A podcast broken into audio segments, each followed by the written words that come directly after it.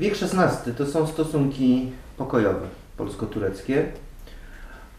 E, Są oczywiście Tatarzy, aczkolwiek e, Tatarzy nie są do końca Turcją i traktowani są jako pewnego rodzaju dopust Boży.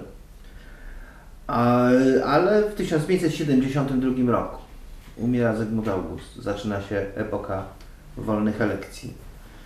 Pierwszy władca, Henryk Walezy, dość szybko Polski wybywa, ucieka. Jest to właściwie niewiele znaczący epizod. Ale potem przychodzi władca drugi. W 1576 roku wybrany zostaje Stefan Batory, książę Siedmiogrodu, a więc y, jego elekcja jakoś wpływa na stosunki polsko-tureckie. Czy to oznacza, że Polska wraz ze Stefanem Batorym zmieni swoją politykę i, i na przykład przyłączy się do obozu antytureckiego? No, nie do końca, dlatego że ca w całej Europie mamy tu rozgrywki yy, świadczące o tym, że mm, wiele państw europejskich rozgrywa tutaj swoją grę. Natomiast yy, nie ulega wątpliwości, że Turcja tak przy pierwszej edycji, drugiej, jak i trzeciej, yy, także tu w jakiejś mierze wpływa, świadczy o tym właśnie korespondencja dypl- dyplomatyczna tego okresu, na to, aby nie wygrało, że, oczywiście w Rzeczypospolitej, stronnictwo prohabsburskie. Proszę zauważyć, że pierwsza wygrywa Francuz, druga mamy tutaj zwycięstwo księcia Siedmiogrodu, a trzecia Szwed, Waza, a więc za każdym razem przegrywa to stronnictwo habsburskie. Dla Turcji nie ulegało wątpliwości, że wprzęgnięcie jednak Rzeczypospolitej, ten rydwan koalicji y, y, antytureckiej na czele z Habsburgami, no doprowadziłby do y, dalszych trudności, wzmocnienia sił Habsburgów. Stąd taki, a nie inny wynik, chociaż nie przeceniajmy, e, sama szlachta tutaj w większości e, nie chciała tutaj wyboru, dlatego tak kończyły się elekcje. Natomiast Stefan Batory e, także doskonale wyczuł sytuację, dlatego że wojny, które były prowadzone, były prowadzone na Teatrze Wschodnim. Lata 1679-81, trzy kolejne kampanie, po raz pierwszy odwróciły Rosję w kierunku wschodnim. A tak, ale Stefan Batory obejmuje tron Polski w momencie, kiedy nie jest jeszcze rozstrzygnięta sprawa kresów północno-wschodnich, czyli właśnie wojny z e, Moskwą o Inflanty. Trochę chyba z musu zajmuje się sprawami północno-wschodnimi do roku 1581, a później myśl o stworzeniu jakiejś krucjaty, ba wręcz z udziałem Hiszpanii antytureckiej chyba jest myślą, która, którą Stefan Batory rozważa. W to kiedyś historycy wierzyli, ale dziś chyba wielu historyków to nie wierzy. E, W XVI wieku takim konstansem polityki tureckiej w Europie jest walka z Habsburgami. Stąd wchodzą w sojusz z Francją i z Rzecząpospolitą. I tak długo jak Rzeczpospolita nie popiera Habsburgów, tak długo ten sojusz będzie trwał. E, Elekcja Henryka Walezego, później Batorego, e, dochodzi do skutku, między innymi także wskutek polityki Porty. O- Od sułtana z Konstantynopola przychodzą listy do szlachty, gdzie no, można mówić o zachęcie, można mówić o pogróżce. Jest to bardzo wyraźnie wyrażone. Jeżeli wybierzecie Habsburga, będzie wojna. A jeżeli wybierzecie Batorego, naszego lennika, to będzie pokój. Później Batory w tych warunkach się zasiada na tronie. E, Habsburgowie rozpętują Europie propagandę, że to jest przecież marionetka turecka. Batory musi przekonać opinię publiczną katolickiej Europy, że on jest dobrym katolikiem. Stąd możemy dobrze rozumieć, że no, starał się wszystkich przekonać, że chce krucjaty, a czy jej chciał? No, ja śmiem wątpić. On zbyt dobrze znał Imperium Osmańskie, był wasalem osmańskim, e, zbyt dobrze znał potęgę turecką, żeby się rzucać na Turcję. To byłoby samobójstwo. Natomiast już tutaj wychodząc w przód, y, skoro polityka turecka opierała się na tym, że tak długo będzie pokój z Polską, jak Polska nie będzie prohabsburska, kiedy Zygmunt III po śmierci Zamojskiego zacznie dryfować w stronę Habsburgów, dojdzie do pierwszego poważnego konfliktu.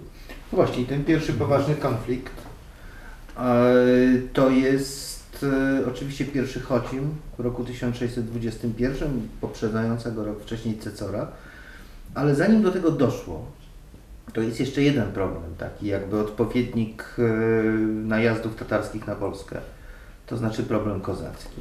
W XVI wieku tego nie ma, pojawia się w wieku XVII. Jak to wygląda? No zacząć trzeba, że ten problem narodził się w XVI wieku, ale to rzeczywiście były drobne oddziały.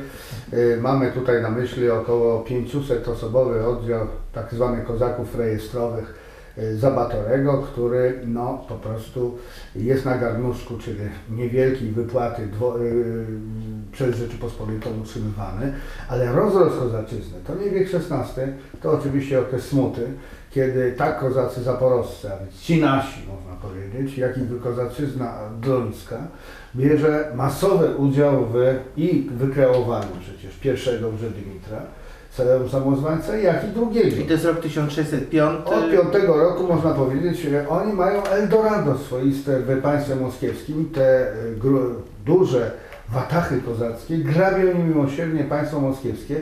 Tu tylko jeden przykład, no, kiedy my zabieramy już po długim okresie, kiedy wiadomo, że dojdzie do Rokowa, więc układ deuliński 1619 rok, podpisany w połowie grudnia, ale obowiązujący od stycznia 19 roku, to my tych oddziałów kozackich jesteśmy w stanie e, wyprowadzić z państwa moskiewskiego aż do czerwca. Tu mamy przykład, dlatego też wymiana jeńców następuje dopiero w czerwcu 19 roku e, obu stron. E, To już nie jest kilkuset czy kilkatysięczne oddziały, ale sięgające kilkudziesięciu tysięcy, czego przykładem jest choćby Armia Kozacka Piotra Konaszewicza Sacharycznego, która była sojusznikiem wojsk Rzeczypospolitej w obozie chocimskim 1621 roku. Nawet często dyskutujemy z historykami ukraińskimi, zachował się tam taki duży komput wojsk e, zaporowskich, prawie 40 tysięcy Mołojców. Kto kogo bronił pod Chocimem, jeżeli wierzyć w tego typu źródła? Czy wojska Rzeczypospolitej, a więc pod dowództwem Jana Karola Chodkiewicza, dwadzieścia kilka tysięcy e, zawodowców, czy uznać, że to my faktycznie współdziałaliśmy z tą 40-tysięczną armią e, kozacką, e, która oczywiście rzeczywiście wspomogła Rzeczypospolitą w tym trudnym okresie e, zarządów Osmana II. No tak, ale teraz y, jeszcze powracając do genezy Chocimia. W roku 1618 wybucha wielki konflikt europejski, wojna 30-letnia, która będzie trwała 1618-1648. E, Sojusznikiem e,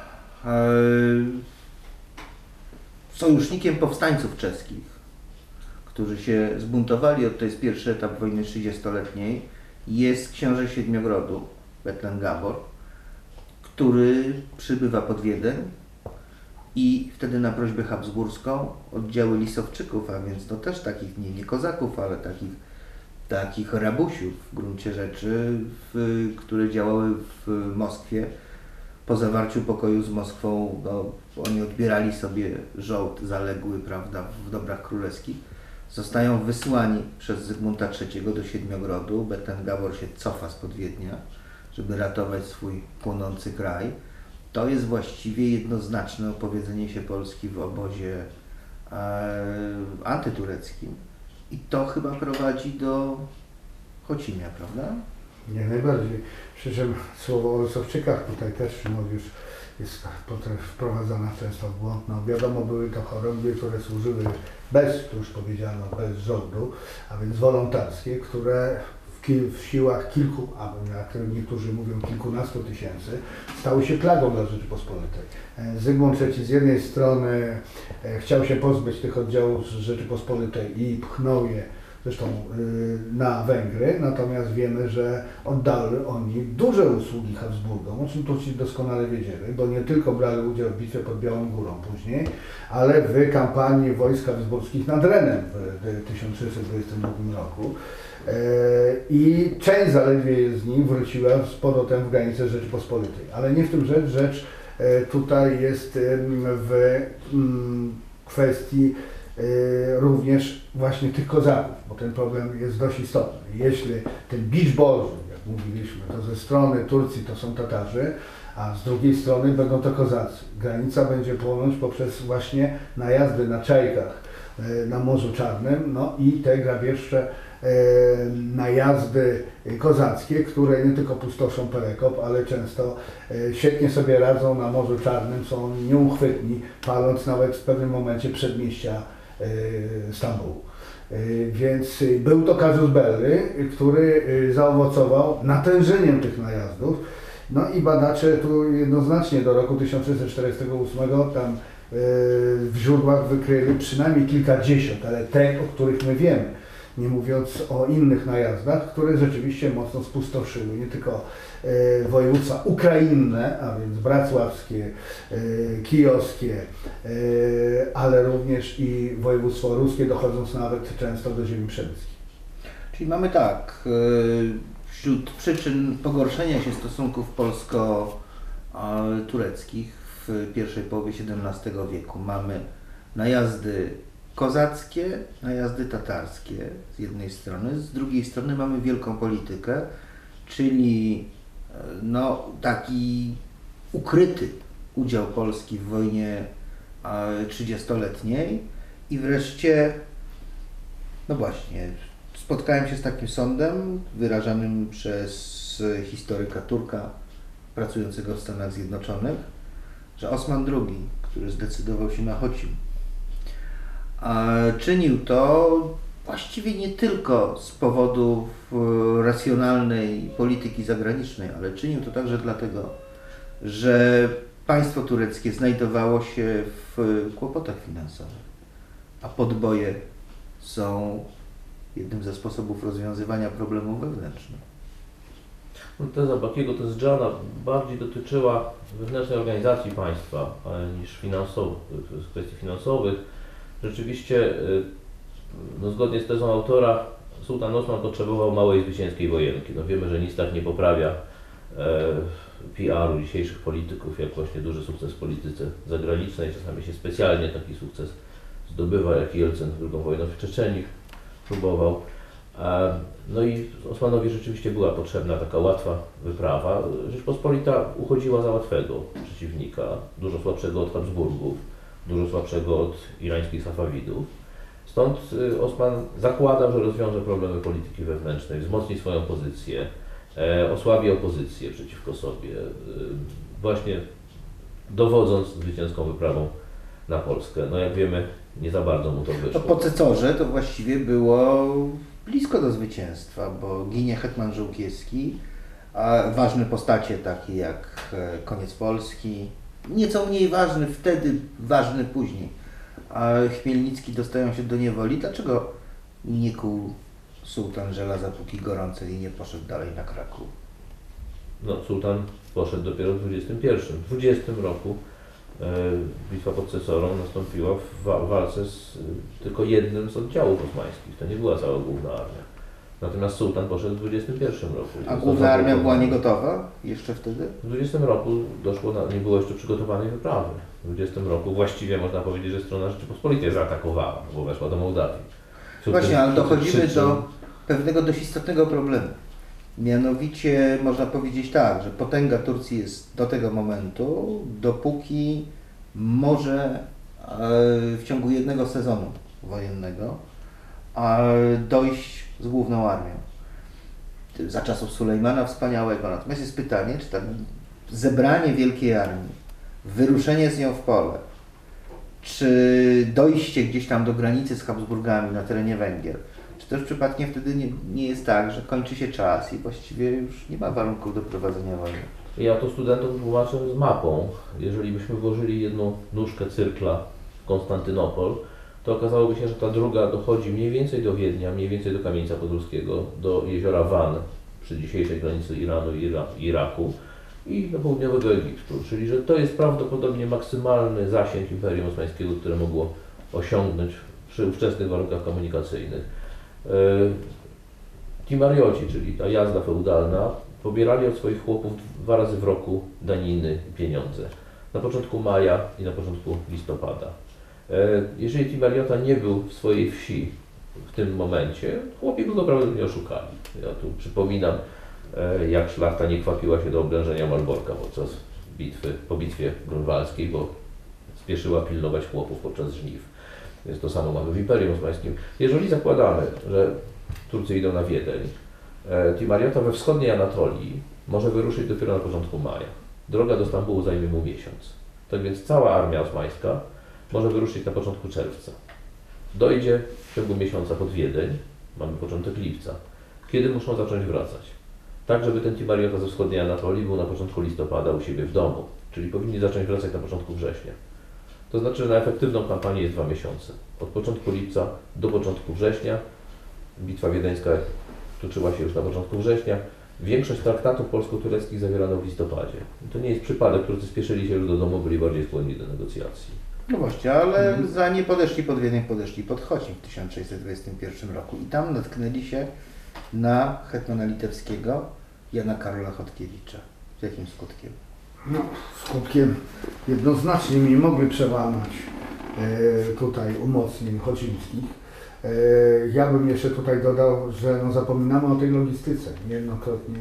E, nie, klimat jedną sprawą, dlatego że to już przypominamy się drugi Chocin, co się stało w 73 roku. Natomiast e, tutaj także walki trwają przecież w październiku. E, Klimat jest jednoznaczny, a więc e, kłopoty e, tutaj z utrzymaniem głównie przede wszystkim piechoty, która po prostu łapie, a więc w nogach musiała przemaszerować te kilkaset kilometrów w jedną i drugą stronę. Nie mówiąc już o opozycji, bo wiadomo, że to Osman II jako wódz naczelny dążył do, w pewnym momencie do rozwiązania siłowego, ale później został przekonany, że no niestety czas upływa, a wyników nie ma. E, Pamiętajmy także, że jeżeli chodzi o te długotrwałe walki pod Chocimem, no to one e, zaowocowały traktatem, który jest dość istotny dla wydarzeń późniejszych.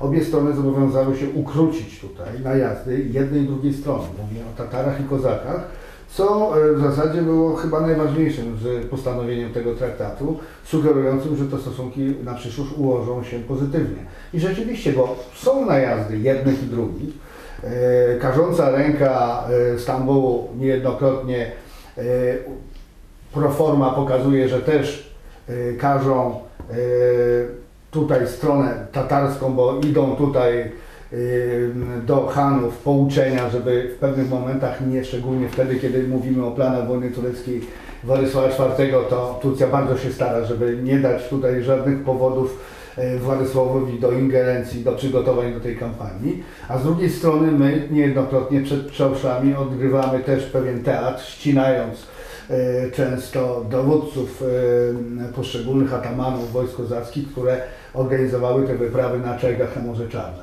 Ale pamiętajmy, że aż do mm, no, 1948 roku, kiedy to e, Hanat e, wspomoże Chmielnickiego, te stosunki, mimo planów, jak już powiedziałem, wojny tureckiej Władysława, e, są poprawne.